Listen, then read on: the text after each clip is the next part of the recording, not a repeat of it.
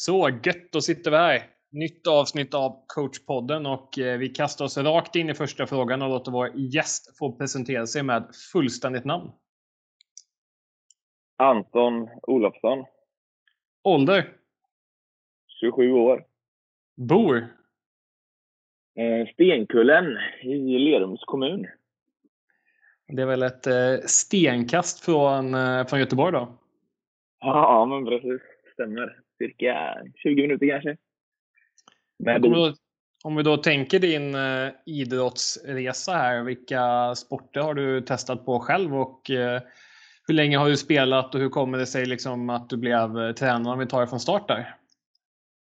Ja, eh, nej men eh, som liten pojk så spelade jag både hockey och fotboll, framförallt hockey. Eh, började spela lite innebandy från och till från att jag var kanske 10, 10 till 13. Eh, men det var väl mest hockey som gällde. Eh, spelade hockey upp till A-pojk. Eh, sen så slutade jag med hockeyn och då var det en gammal innebandytränare som låg på och tjatade att jag skulle börja spela innebandy igen. Så då började jag spela innebandy på heltid kan man säga när jag var 15. Och tog mig upp genom Lerums olika lag. I A-laget kan man väl säga.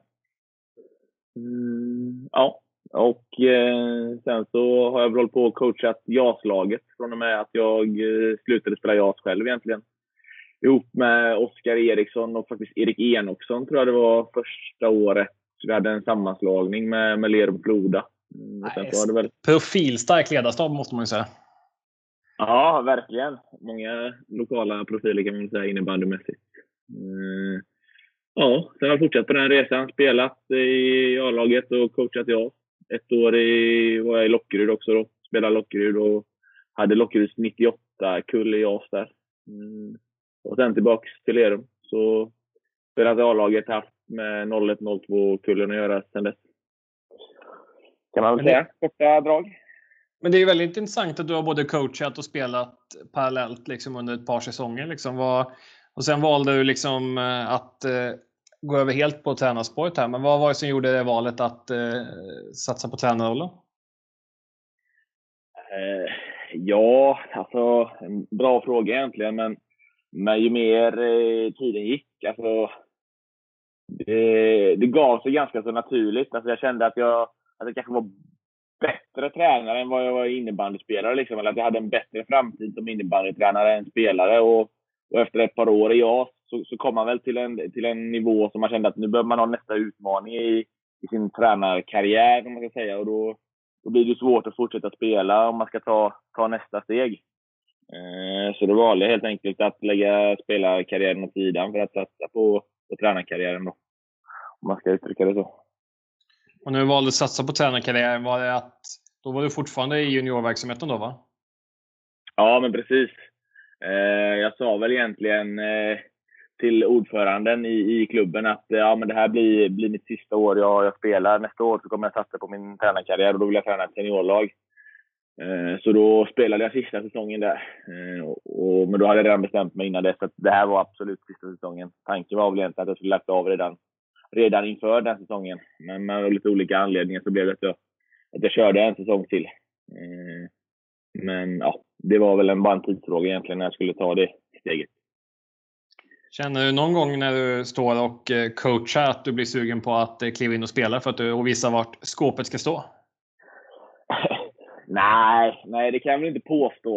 Eh, det är klart att så här, i, i vissa situationer som man ser från sidan så, som man gärna hade velat gå in och visa, visa vad man menar. För det är betydligt enklare att visa på plan än att visa på en tavla vid sidan. Men nej, alltså jag, jag känner väl inget sånt sug efter att uh, gå ut på plan och spela själv. Liksom. Den, den tiden är förbi och det, det, var, det var för många kilon sen jag spelade sist. Men om vi tänker igenom de här åren du har hunnit med här på innebandyresan. Är det några matcher eller någon match specifikt som sticker ut lite extra när du tänker tillbaka på det du varit med om? Ja, alltså första gången vi gick upp till Allsvenskan med Lerum, det var ju väldigt stort. Alltså det var väl den här första riktiga framgången. Då var ju spelare. Men, men det, det är ju någonting som, eh, som jag håller väldigt högt. Eh, då var det liksom jag tror vi hade gått ut gymnasiet i året, vi 93 där. Eh, och ja, det är ett väldigt roligt minne eh, som jag håller högt. Och sen givetvis även de andra gångerna vi har gått upp och även nu USM-guldet med, med 02-kullen här för lite drygt två år sedan. Så det är väl, det är väl de, de minnena som jag kommer ihåg starkast. Och kommer då gå in lite på Lerum som har varit liksom eh, där du har huserat. Att, eh, om vi börjar beskriva Lerum som förening, vad är det för eh, typ av förening skulle du säga? Mm. Alltså det är en ganska stor förening. Jag tror det är 850 medlemmar eller något sånt. Så det är väl sloganen är väl en elitsatsande breddförening. Så det finns väl lite allt möjligt. Vi har lite motionslag och en, en väldans massa ungdomslag och herr och damlag på, på hygglig nivå. Så det är väl en, en stor välfungerande förening skulle jag säga. Kör ni den kuppen fortfarande back to basic, den Timothy cupen med småmål? Mm, jajamän. Den är, förr var den alltid den 30 men jag tror den är flyttad nu till något datum tidigare. Eh, men ja, vi, den har ju rullat på i varje år förutom i år nu då med, med Corona, men annars har det rullat på. Ja, det är en eh, i liksom området, eh, vad definierar vi, västkust där nere i Göteborg, Borås som jag kommer ifrån, det var, var en höjdpunkt varje år. Jag vet, vi spelade ett år när jag var med och tyckte det gick ganska bra, men vi åkte på däng. Vi mötte IBF Göteborg i kvartsfinalen. De hade något riktigt bra lag där på gång. Så att, ja, det finns, det finns många fina minnen från den eh, nyårscupen där. Ja, ja, men den är fin. Många fina minnen därifrån faktiskt. Och om vi då tänker här laget som du coachar nu, liksom, hur skulle du beskriva laget eh, då? Ja, men det, det är ett ungt lag. Eh, ungt, skickligt lag. Många spelare med, med framtiden för sig. Eh, kryddat med, med några äldre killar då som, som blev kvar från när jag tog över. Men ja, ett väldigt talangfullt lag skulle jag säga. Eh, och ni är ju nykomlingar då i Allsvenskan. Eh, övertygade rejält i division 1. Vad säger du om säsongen hittills? Ja, men det är klart att vi, på pappret så har vi gjort en ganska så bra säsong hittills för att vara nykomlingar. Eh, det som jag tycker är extra roligt är väl att innebandymässigt så har vi faktiskt varit med i alla 16 matcher eller vad det är vi har spelat nu och även fått med oss helt okej resultat. Jag kan till och med tycka att vi kanske har slarvat bort någon poäng, men eh, nej, jag tycker, tycker det har varit en ganska så väntad och bra start för, för oss. Och vad skulle du säga, vilken typ av innebandy står ni för? Är ni spelande lag eller liksom ett kontringsstarkt lag eller var, vart är, ligger era styrkor? Eh, ja, men vi, är, vi är ett spelande lag skulle jag säga. Eh, vi har väldigt många individuellt skickliga spelare. Och sen skulle jag även säga, utan att vara för kaxig, men så tror jag nog att vi är eh, i alla fall Allsvenskan Södras bästa kontringslag. Eh, Eh, men absolut, alltså våra, våra styrkor är helt klart eh, vår offensiv. Eh, dels spelet med boll, men även omställningsspelet. Jag tycker att vi är otroligt vassa faktiskt. Bra har vi gjort det. Vi har väl gjort en 115 mål eller något, så det är väl ganska bra. Ja, men det är, jag vet inte vad målsnittet blir, men 150 är alltid en positiv siffra. Ja. ja. Men om vi tänker ja. någon, eh, någon särskild match du känner att du är lite extra nöjd med, för då var det liksom verkligen att den matchen satte vi i gameplanen liksom mitt i prick. Liksom. Mm. Jag tycker att vi, vi gjorde en väldigt bra match borta mot, eh, mot Varberg.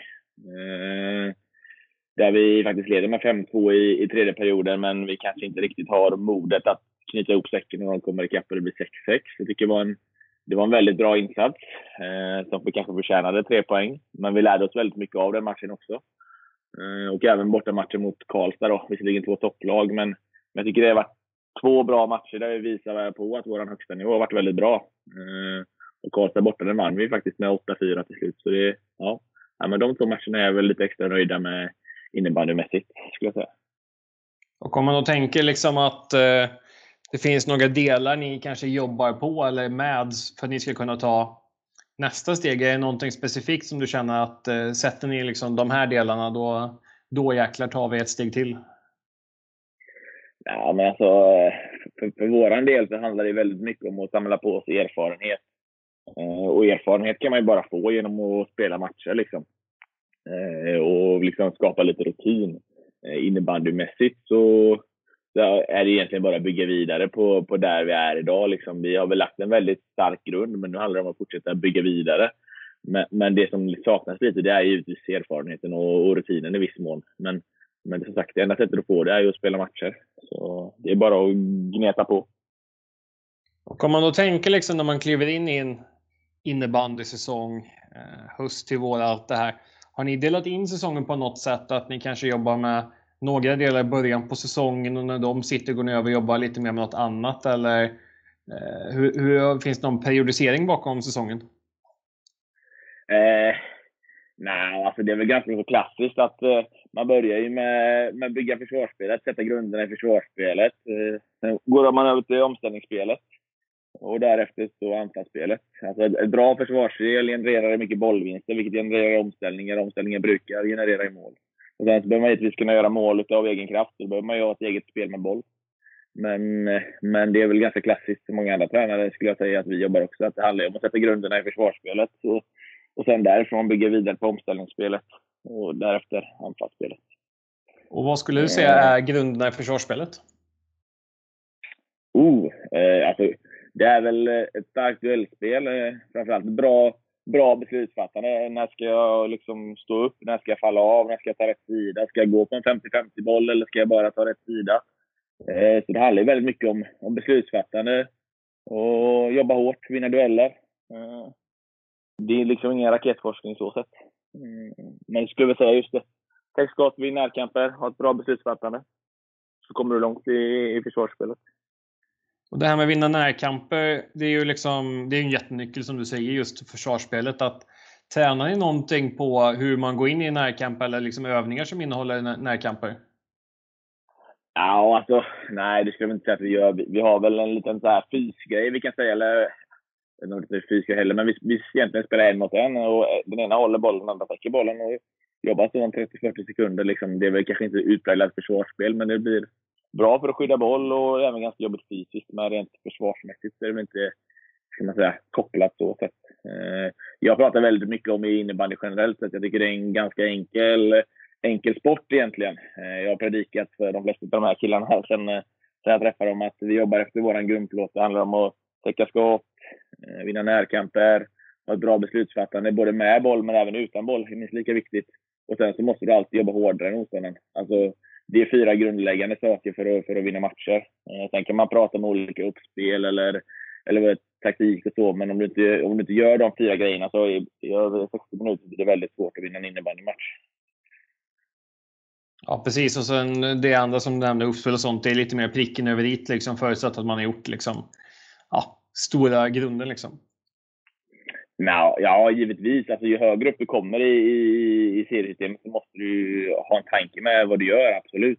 Men om du inte gör de fyra grundstenarna, liksom, så då spelar det ingen roll hur bra uppspel eller hur bra eh, frislagsvarianter du har, liksom, för då fallerar du i det stora hela. Sen så måste du givetvis, givetvis ha en eh, tanke med vad du vill göra och hur du ska göra det på plan. Men, men grunden är just de fyra bitarna, skulle jag säga. Där jag tycker att beslutsfattandet är A och O ihop med duellspelet. Då. Och om man tänker liksom en, en träning, att eh, har du någon grund att du känner att varje träning vill jag få ut de här sakerna eller att det finns någonting vi ska gnugga på varje träning eller har du några, några tankar där?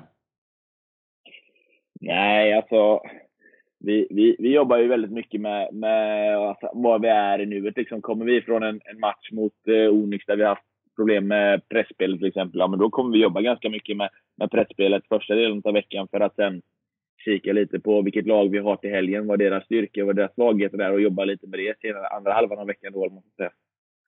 Eh, så det är väl så vi jobbar kan man säga. Och är något annat innebandymässigt som ligger att man kanske har extra mycket spel på torsdagsträningar eller att eh, man vill försöka undvika spel i början på veckan eller sådana saker? Eh, ja, men vi, vi tränar fyra gånger i veckan.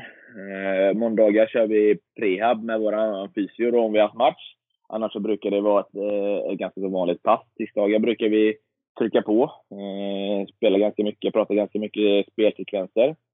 Eh, onsdagar lite lugnare, lite mer kanske klubba boll. Och, och torsdagar så blåser vi på ganska så ordentligt också inför helgens match. Då. Men lite specifikt in, inför det laget vi ska möta. Kan man väl säga i stora drag. Sen så är det givetvis ser det vissa, annorlunda ut vissa veckor, men, men i, i grova drag, måndagar preab, tisdag, torsdag mer, mer matchspel, matchsituationer och onsdagar lite lugnare, lite mer övning, lite mer detaljer. Och om man tänker att veckan ser ut ungefär som du har beskrivit, vilken eh, träning skulle du säga är din favoritträning? Oh, eh, ja, men det skulle jag nog säga torsdagar är i så fall. Eh, för där blir det ju mycket fokus på, på matchen till helgen och vad vi vill göra, vilka ytor vill vi söka. Eh, och det blir liksom mycket, mycket matchspel och det är faktiskt bästa, bästa sättet för att förbereda sig, tycker jag. Eh, det är ju så matchligt det kan bli, det är ju att spela match. Eh, så nej, torsdagsträningen är väl den som absolut är roligast. Det hade, ju, det hade ju varit skönt om det var någon som svarade måndagen är fysion kör och kan sitta med en kaffe och kolla på och ta det lugnt. ja, precis. precis. Ja, men det är ju skönt att vi, vi, vi liksom brinner för det, det, det som är centrala. Men jag tänker att eh, i staben när ni jobbar, att har ni något uppdelat så att det är någon, någon sköter mer individuella saker, någon sköter mer matchförberedande eller liksom jobbar ni överskridande med allting? Nej, vi jobbar överskridande med, med allting. Eh, det, är, det är jag och Ludvig Bengtsson som, som kör ihop. Eh, jag har väl ett, ett övergripande ansvar, men där jag spelar in honom då på, på vissa områden som kan variera lite under vissa perioder. Eh, kan man väl säga i, i stora drag. Eh, förra året så hade vi ju ytterligare en tränare med oss, Viktor Eriksson. Han jobbade bara med individen. Eh, så liksom hade möten, jobbade videoanalys med individen och kanske ja, andra SSL-spelare med liknande liksom spelstil. Att kunna se tips och tricks och ta från den och försöka implementera på våra spelare. Men han är inte med i år, men vi hade ganska bra effekt på det förra året. På bland annat till exempel Fredrik Bäckman som hade en väldigt bra säsong. Mycket tack vare Viktor skulle jag säga. Och om man då tänker, eh, om du skulle försöka eh, sammanfatta, vad, vad gnuggar ni mest på liksom, över en säsong? Liksom? Finns det något specifikt? Är det liksom mest försvarsspel eller mest uppspel? Eller vad, vad tror du ni har lagt mest timmar på? Nej, spelet med boll. Eh, absolut. Eh, där, där, lägger vi mest tid på. Liksom, anfall är ju ganska klyschigt. Det är ju bästa försvar så länge man har bollen så kan ju inte motståndarna göra mål. Eh, och det är ganska mycket roligare att spela innebandy med bollen utan boll, så, så vi lägger helt klart mest fokus på anfallsspelet. Eh, absolut. Jag tror det var Fredrik Holmgren som varit med i en, en podd tidigare. Jag tror det var han som sa det. Men drömscenariot är ju att när matchen startar att vi vinner teckningen och sen håller vi inom laget och gör mål och så vinner vi nästa teckning på det så att när matchen är slut så har vi haft 100% bollen av. Ja, ja men jag håller med det, det lät som en, en bra idé. Men om vi tänker liksom att du, du upptäckt någonting i spelet som du känner att det här måste vi förändra. Liksom. Vi har hamnat i någon negativ trend att eh, så fort vi kommer i det här läget så tar vi fel beslut eller liksom, vad det nu kan vara. Eller att vi, vi gör någonting konstigt i laget. Eh, och du vill förändra det genom att ni ska träna på liksom något annat, hur de ska lösa det. Liksom. Men hur kan en sån process se ut för att man upptäcker någonting i spelet som man känner att nej, det här vill jag inte Eh, att vi gör till att man har korrigerat? Ja, nej, men, men framförallt det första är ju att ta det på video, liksom, att eh, samla laget. Och, och, i den här situationen agerar vi på det här sättet. Jag vill inte att vi ska agera så här, jag vill att vi ska agera så här istället. Typ. Eh, och om det är någon stor eller lite mer komplicerad sak kanske man får prata om det på plan också. Men jag tycker liksom med, med videoverktygen som finns och så, så jag tycker jag det enklaste sättet är att gå igenom det på video och sen behöver man gå igenom det på plan och så får man ju ta det ett steg till och göra det där också i så fall. Men, men jag tycker att vi har till exempel haft lite sådana grejer, kanske inga stora grejer, men typ i, i, så säga, i backchecken då, att vi ska våga stå upp och liksom ha en bra tredjegubbe. Sådana bitar lite, när man ska falla, när man ska stå upp. Sådana bitar är väldigt effektivt att, att ta på video. Tycker jag. Så där, videoverktyg. Och hur mycket av eh, träningen skulle du säga är liksom byggd för laget kontra individerna? Har ni, har ni några inslag där man kanske jobbar specifikt med den enskilda spelarens behov eller jobbar man bara liksom med, med lagets behov? Nej, vi jobbar bara med lagets behov skulle jag säga. Eh, I alla fall på våra ordinarie träningstider.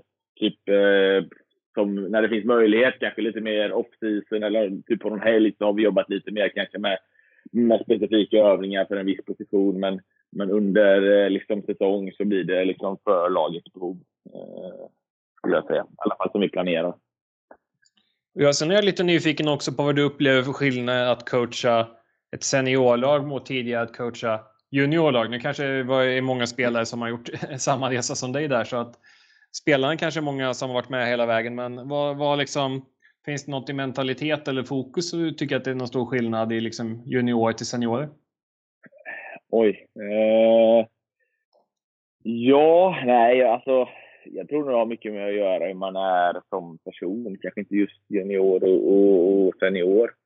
Eh, nu har jag ju liksom haft de här flesta av de här killarna i, i tre, fyra år. Liksom. Så, så då, de är ju liksom från 16 till 20, de allra flesta. Sen har vi några äldre, men, men nej, alltså skillnaden är väl inte superstora skulle jag säga. Uh, inte som så här, jag kommer på på rak arm i alla fall. Jag tänker liksom, vi har ju pratat om det, att ni har en väldigt ung trupp och liksom allt det här att eh, jobbar ni, eller märker ni att ni behöver jobba på något särskilt sätt sett till att det är väldigt många unga spelare? Det kan ju vara allt från, jag vet inte, närkamp, att man kanske märker att man är lite lätt i närkampen, att det kanske det saknas lite kilon eller något sånt liksom som ni upplever nackdelar med att ha ett ungt lag? Men det är klart att, alltså, som du säger, att vi väger lite lättare i vissa situationer. Men samtidigt så kanske vi är lite rappare i andra situationer just för att vi är lite lättare. Eh, så, så så sätt så det är klart att man får anpassa sitt lag efter vad man har för instrument i, eller verktyg i lådan liksom. Men, men eh, nej. Alltså, jag tycker inte att det är, är så stor skillnad. Alltså, vi vill spela innebandy på exakt samma sätt som vi ville göra med vårt med vårt JAS-lag som vi vill göra i A-laget idag. Liksom, grunden är densamma. Eh, och, och det är likadant i mitt sätt att, att leda. Kanske, jag kanske är lite rakare nu än vad jag var mot dem när de var 15-16 år. Men eh, liksom, eh, annars så är det inte mycket som skiljer sig åt skulle jag säga. Och om vi ska då, vi backar bandet lite här tills eh, att de var juniorer och så och när ni coachade, ni hade ju en, eh, en innebandyfest ni gick väldigt starkt och sen lyckades eh, vinna guld.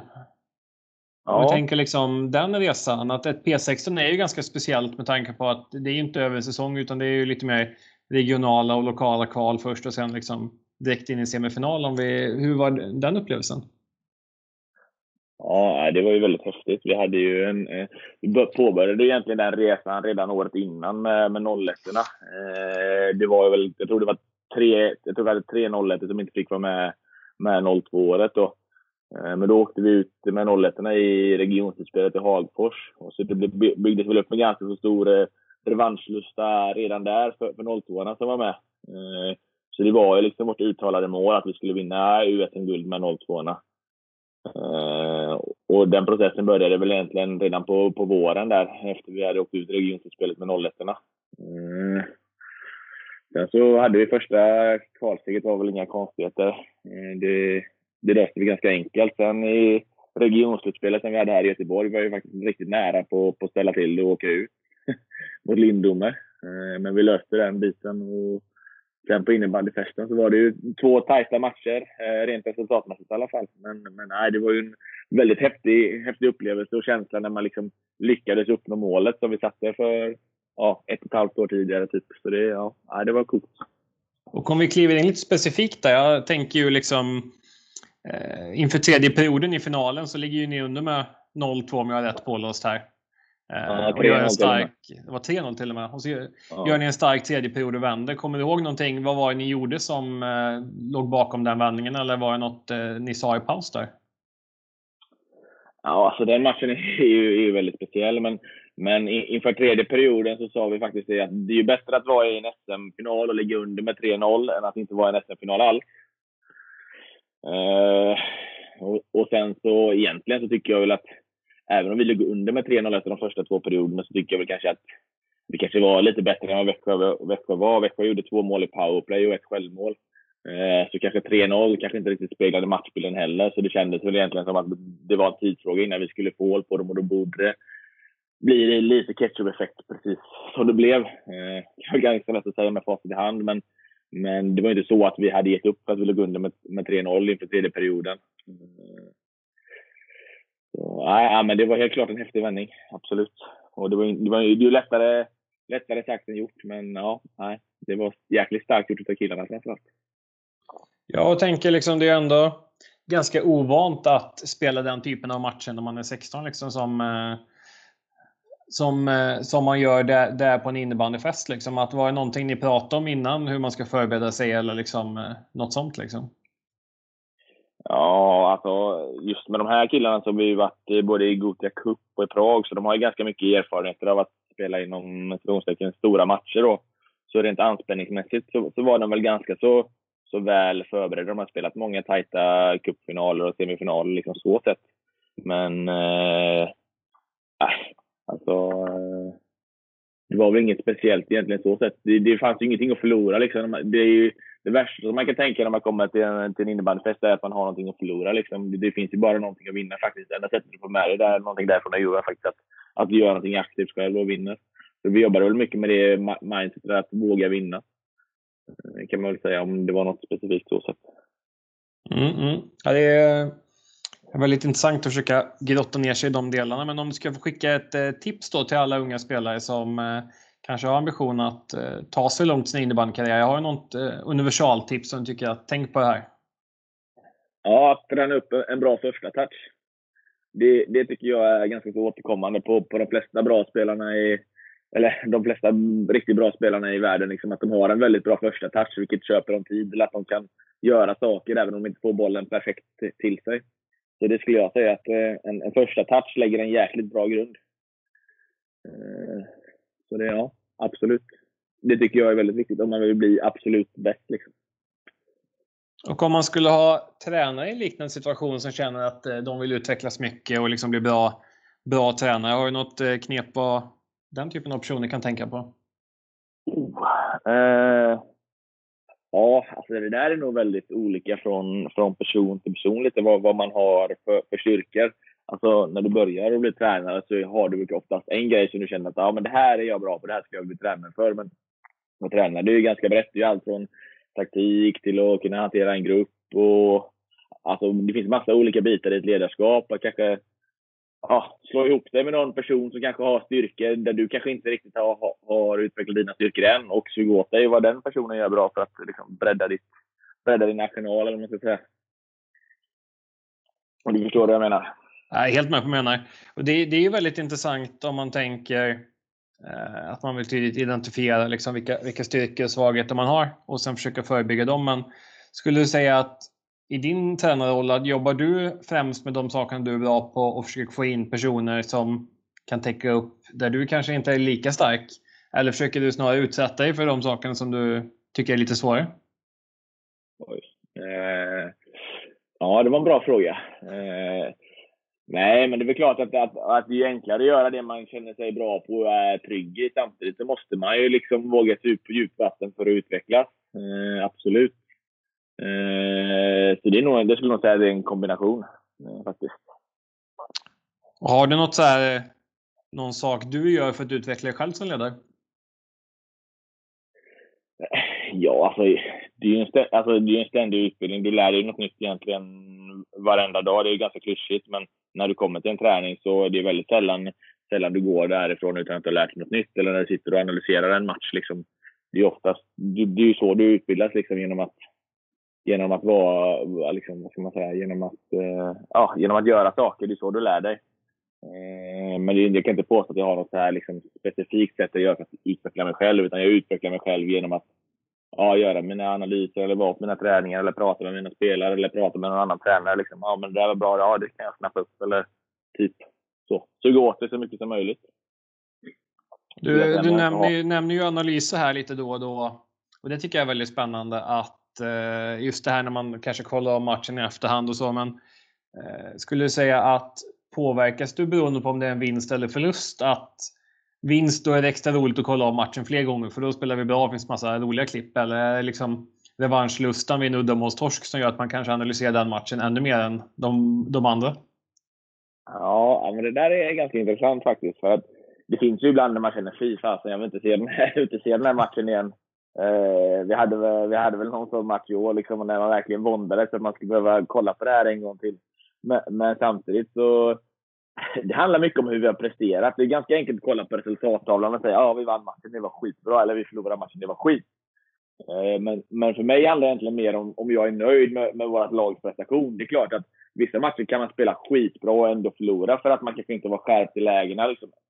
En, en sån match är väl inga problem man analyserar så sätt. För då vet man att det ändå finns mycket bra att ta med. Men om man ska kolla på en match där man har spelat mindre bra och kanske skänkt bort en 4-5 mål, då kanske man våndas lite och behöver gå in och liksom kolla på det. Men, men eh, det, jag skulle nog säga att det handlar nog mer om hur prestationen i sig har varit än själva resultatet. Men när du analyserar och klipper ut till laget, att koppla kopplar du det någonting till eh, jag ska ta ett exempel. Att jag har jobbat ganska mycket med mina lag att vi försöker göra fler mål. Så jag har ju nästan alltid bara jobbat med klippa ut när vi gör mål. För att förstärka ja. liksom, de sakerna. Att, eh, för att vi ska bli bättre på att göra mål. Att titta på vad, vad var bra här och liksom Sen har jag egentligen struntat i det mesta andra utan bara fokuserat på att vi ska bli bättre på att göra mål. Har du haft sån typ av periodisering eller jobbar du mycket bredare analysen att det, det är lite av varje liksom? Nej, jag, jag, jag jobbar väldigt brett i mina analyser. Liksom. Jag tar upp det som jag tycker är bra. Belyser liksom, det här gjorde så, det här är bra, därför blev det så. Eller att det här är mindre bra, så här måste vi göra istället. Eller det här ska vi undvika. Typ. Så jag, jag, jag tar, alltså, när jag klipper en match så kan det vara så att vi sitter och kollar 40 klipp efteråt. Uh, det kanske låter rätt sjukt, men, men alltså mina spelare är vana med det. Uh, och, och, det kan vara uh, allt från bra saker till mindre bra saker. Men framför allt har det att göra med liksom, saker som är bra i vårt grundspel eller saker som fallerar i vårt grundspel. skulle jag säga. Och, och, då tar jag så många situationer som, som jag ser att vi behöver prata om. Med, och risken är väl att många gånger kanske det blir repetition. Men jag säger hellre en sak tio gånger för mycket än en gång för lite. Eh, så nej, det, det är väldigt brett skulle jag säga. Och om man då tänker liksom i den kommunikationen som det blir när man jobbar med analys, hur mycket skulle du säga är sånt som laget gör bra kontra vad laget behöver utveckla eller vad som inte funkade? Liksom?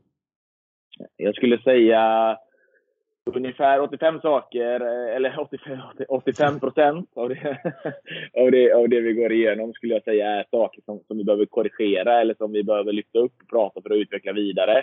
Och 15 procent kan vara saker som är bra, liksom, som man bara highlightar. Liksom, för att det här gjorde vi jäkligt bra killar. Det här ska vi fortsätta göra.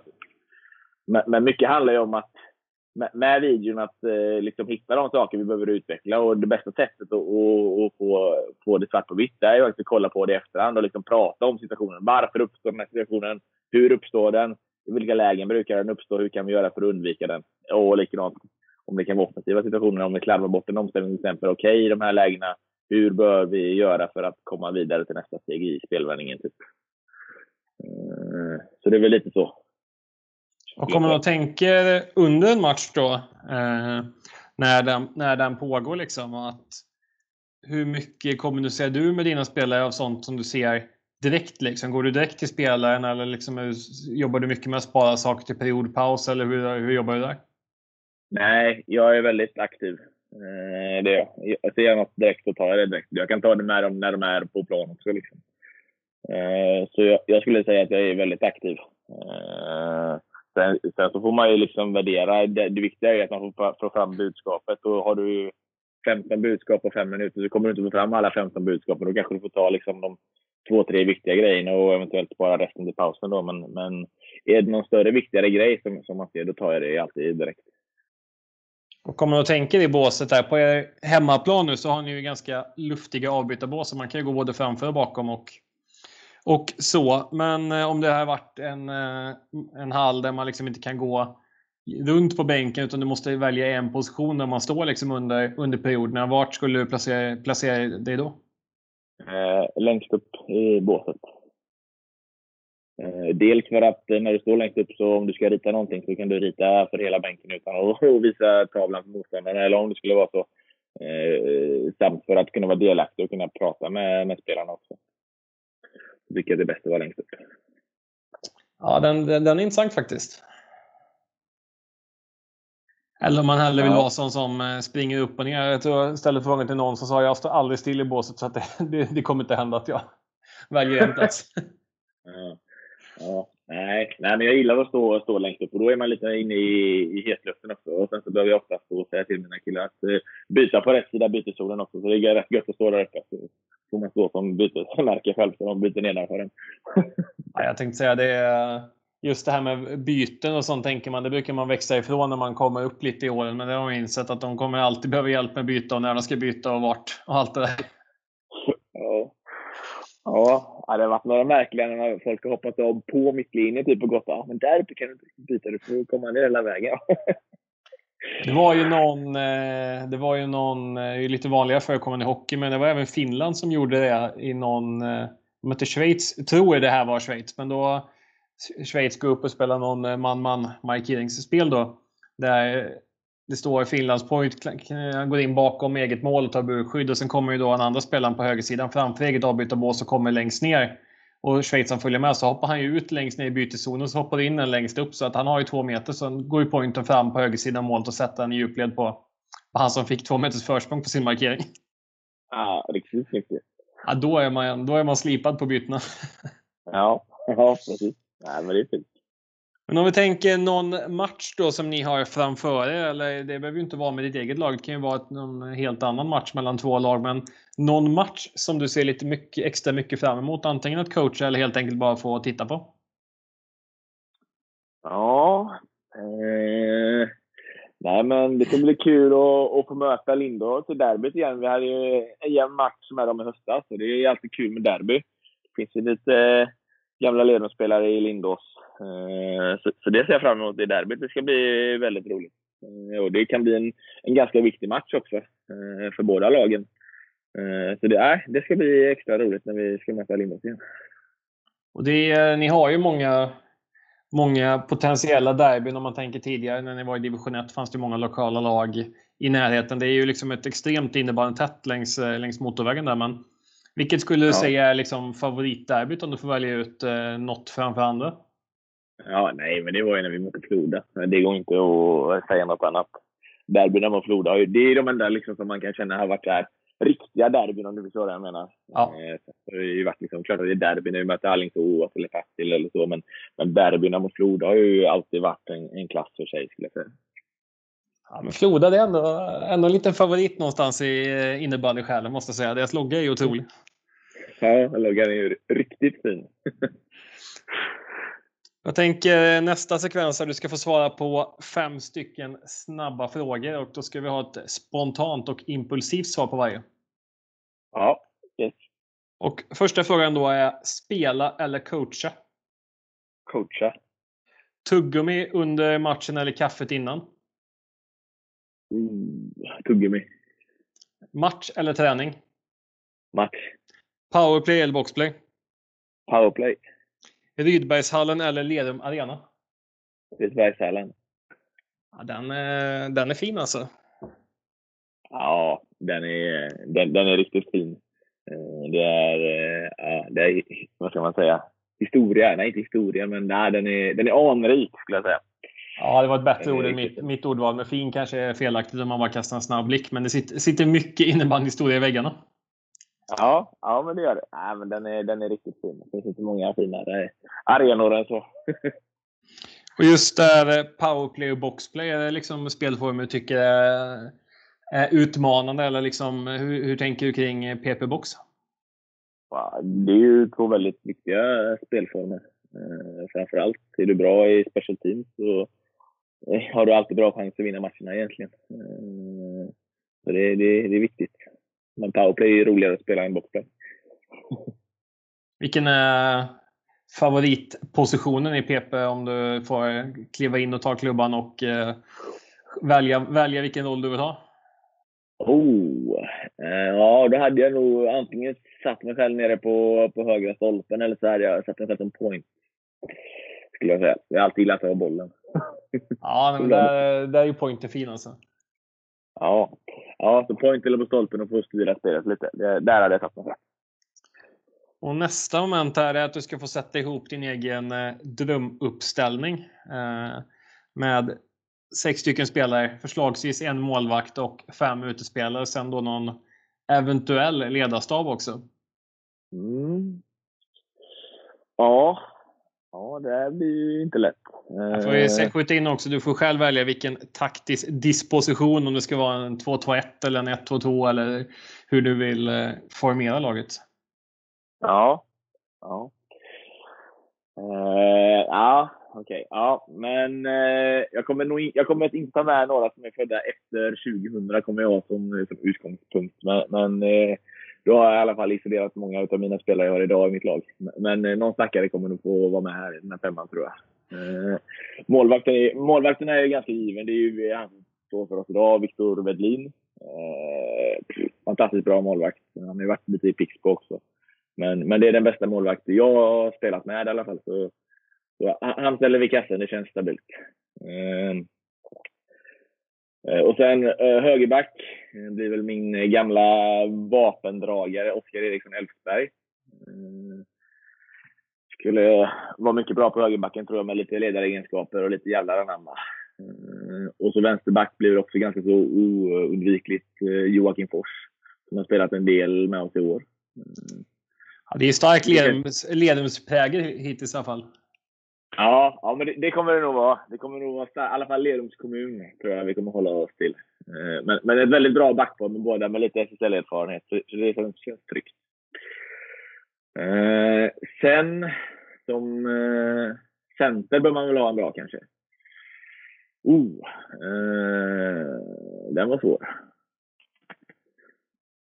Eh, eh, eh ja du. Centrarna växer inte på träd alltså. Det är att hitta. Det är nästan lite sugen på att sätta in mig själv. det är alltid en bra lösning. Uh, ja, jag sätter in mig själv på centerna. Det här får bli en gammal skolfemma, tänker jag. Uh, så, så jag, jag, jag, tar centerrollen själv. Uh, och som vänsterforward så blir det min gamla klasskamrat, tillika landslagsspelare, Gustav Fritzell, som ser till att vi gör mål framåt. Eh, och eh, som högerforward också en av mina bättre vänner, numera i Lindås, eh, Pontus Persson. Så det skulle kännas som en, en, en stark femma från, eh, från Lerums gymnasium. Ja, men den, eh, det, det, kan vi gå i, gå i god för att den eh, innebandykompetensen är hög.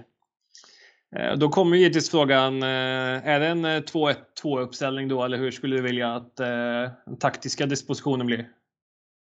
Ja, nej, vi hade nog spelat en, en, en rak ståtvätta, hade det blivit. Skulle jag säga. Med, med Ponta som eh, topp och springa lite där uppe, det behöver han. Eh, och en stabil box där bakom. Skulle du säga att eh, 2-2-1 är den uppställningen du, du föredrar? Eller liksom hur, eh, om, du, om du bara tänker fritt, liksom, vilken, är, vilken är favoritsystemet? Ja, eh, jo, alltså jag gillar väl att spela 2-2-1 eller 2-2 med högerstyrning så som vi spelar idag. Eh, det föredrar jag väl sen. Så det är väl ganska, ganska kul också att spela en, hög 2-2, men det ställer ju ganska höga krav på spelarna också. Eh, men, men, nej, men en, en, en 2-2 fast med högerstyrning då, 2-2-1 eller 2-2 vad man vill kalla det. Men men, men 2-2-1 med högerstyrning hade jag väl, hade jag väl sagt, det är väl just nu i alla fall vad jag föredrar. Om vi tänker också någon, eh, någon eventuell ledarstab här. Eh, styrde styr du den själv från eh, centerrollen där med spelande coach och vill jobba in någon material eller vad, har du någon tränare du vill ha in där? Ja, nej, jag hade aldrig kunnat coacha mig själv. det hade inte gått ihop. uh, nej, jag, jag, jag, vi hade behövt ha lite goa sponsringsgrejer till den här femman definitivt. Så så Rasmus Larsson är ju given i, i ledarstaben så vi får lite schyssta grejer. Eh, det skulle jag säga. Och sen så kan jag inte lämna utanför eh, Andreas Franzén heller. Och min, min, nuvarande assisterande tränare Ludvig Bengtsson. Så, så de tre hade fått sköta det i båset liksom, och hålla oss, hålla oss på banan. Ja, nej, men det är, det är ju en otroligt stark, eh, stark femma och ledaruppställning. Ja. Sen är frågan, spelar ni hemmamatchen i Rydbergshallen eller Ledem Arena? Oh, det, det, är inte ens en fråga. Det är Urisbergshallen. Vi går inte utanför den. Nej, otroligt. Ja, det är, om man inte har varit där, det är på något sätt, du behöver bocka av det liksom i, om du liksom har någon små innebandy bucket list. Liksom. Bara lägg in det. Åk, åk dit och kolla någon gång. Så eh, helst en match också. Ja, ja. Man skulle varit där när de hade derby mot Floda. Då är det riktigt fint där inne. Ja, det, jag vet inte, vad är publikkapaciteten där? Oj, ja den är väl 333 eller vad det brukar stå, eller 433 eller något sånt. Nej, jag vet inte riktigt. Men någonstans runt 300-400 tror jag faktiskt det är. Men då är det väl hälften stående ungefär. Ja, nej, men det är så det ska vara. Det är underbart på alla sätt och vis. Ja, det är fint. Men med det så har vi helt enkelt tagit oss igenom dagens, dagens podd. Så att ett stort tack för att du tagit dig tid att medverka i coachpodden. Ja, tack själv.